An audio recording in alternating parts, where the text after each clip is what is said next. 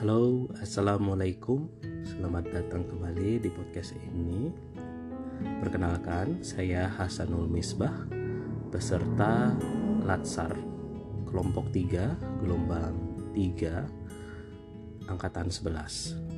Saat ini saya sedang merekam tugas kedua, hari kedua, refleksi diri tentang pengalaman pembelajaran yang saat ini dilakukan secara asinkronus tentang analisis isu kontemporer secara kolektif dengan kelompok tiga. Pertama, kami melakukan pra-analisis yang di dalamnya ada identifikasi isu. Nah, di identifikasi isu ini kami e, menemukan tiga hal yang pertama, fenomena orang Indonesia yang menyatakan mengaku dirinya sebagai nabi. Lalu yang kedua, kasus penistaan agama. Yang ketiga, terorisme yang dilakukan oleh kelompok-kelompok radikal.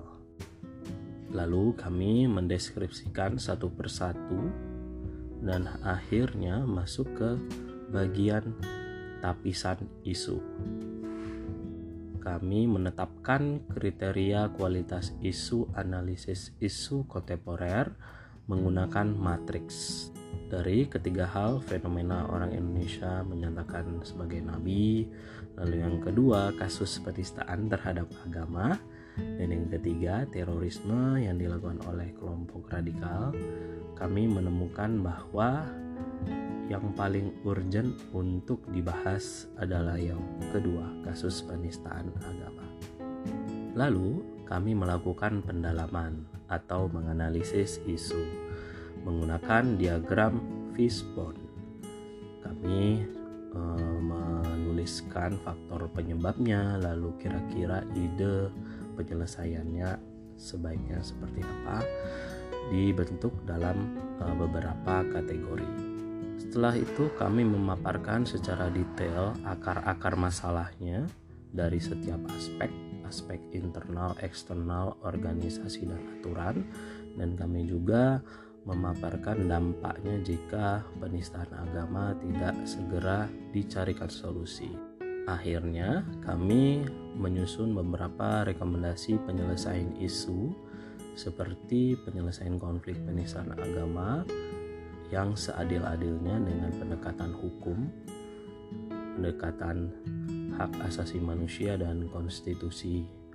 Lalu yang kedua, mengembangkan pemahaman empat pilar kebangsaan Pancasila Undang-Undang Dasar NKRI tahun 1945, Bhinneka Tunggal Ika eh, dan NKRI.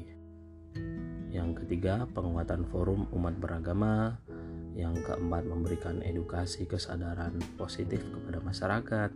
Yang kelima, sebagai pendidik dan tenaga kependidikan untuk menanamkan pemahaman peserta didik dan menjadi role model. Moderasi beragama dan yang keenam, membangun komunikasi dan diskusi yang positif yang sehat mengajak masyarakat berpikir kritis terhadap isu-isu aktual yang memecah belah persatuan dan kesatuan NKRI.